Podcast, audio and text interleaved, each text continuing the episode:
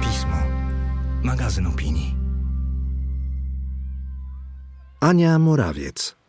Odrodzenie w szóstym wymieraniu. Czyta Ania Morawiec.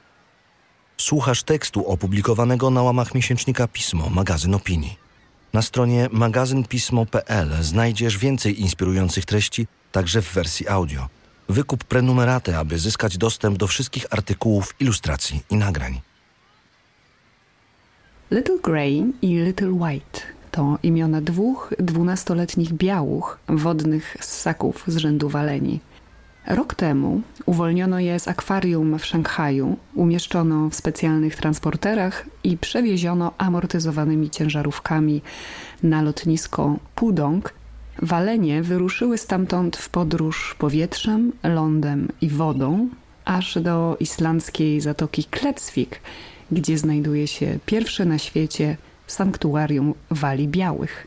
Po wielu latach spędzonych w niewoli zwierzęta powróciły do oceanu. Operacja ta powiodła się wyłącznie dzięki ogromnemu wysiłkowi licznych ekspertów z całego świata, którzy zrealizowali przedsięwzięcie, jakiego nie podjął się dotąd żaden człowiek. Za akcję odpowiadała organizacja Sea Life Trust, która stara się wydostać z niewoli setki wodnych ssaków.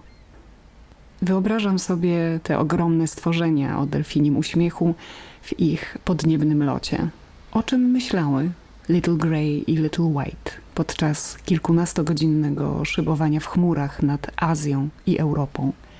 Czy tak wygląda w świecie wali białych apokalipsa?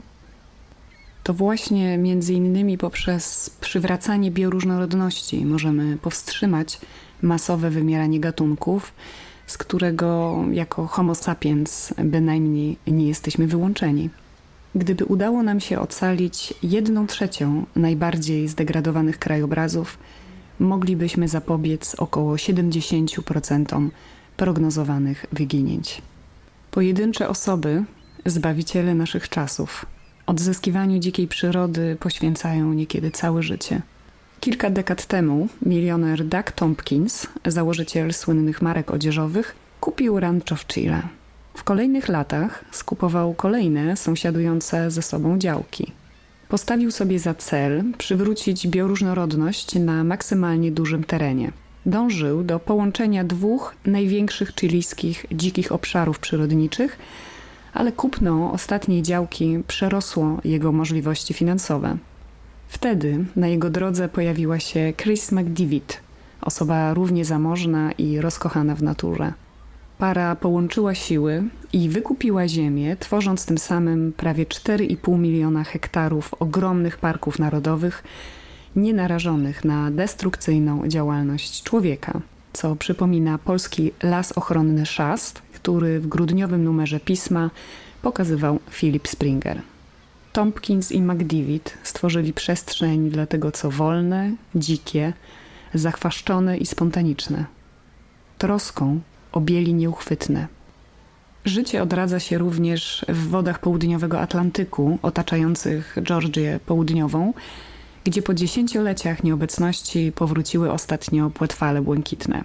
Gatunek wyniszczony przemysłem wielorybniczym odradza się wolno, ale skutecznie.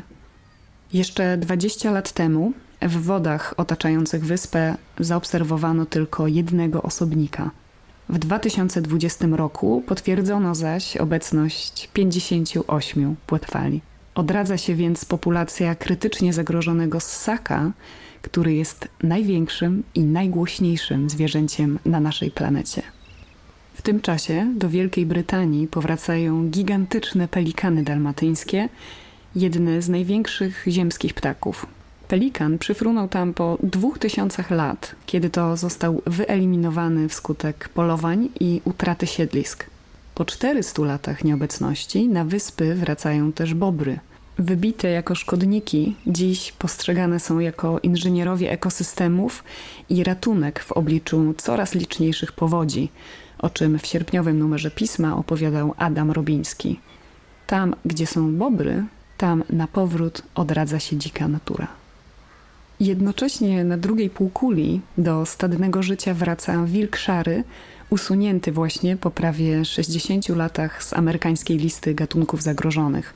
Uważany jest za najbardziej charyzmatycznego drapieżnika na Ziemi.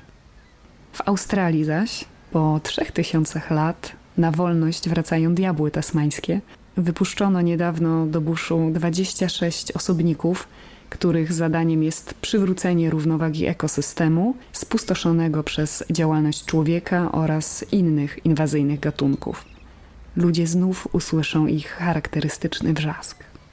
W cieniu brutalności, konfliktów i postapokaliptycznych wizji na Ziemi odradza się to, co pradawne. Toczą się procesy, które przywracają nadzieję.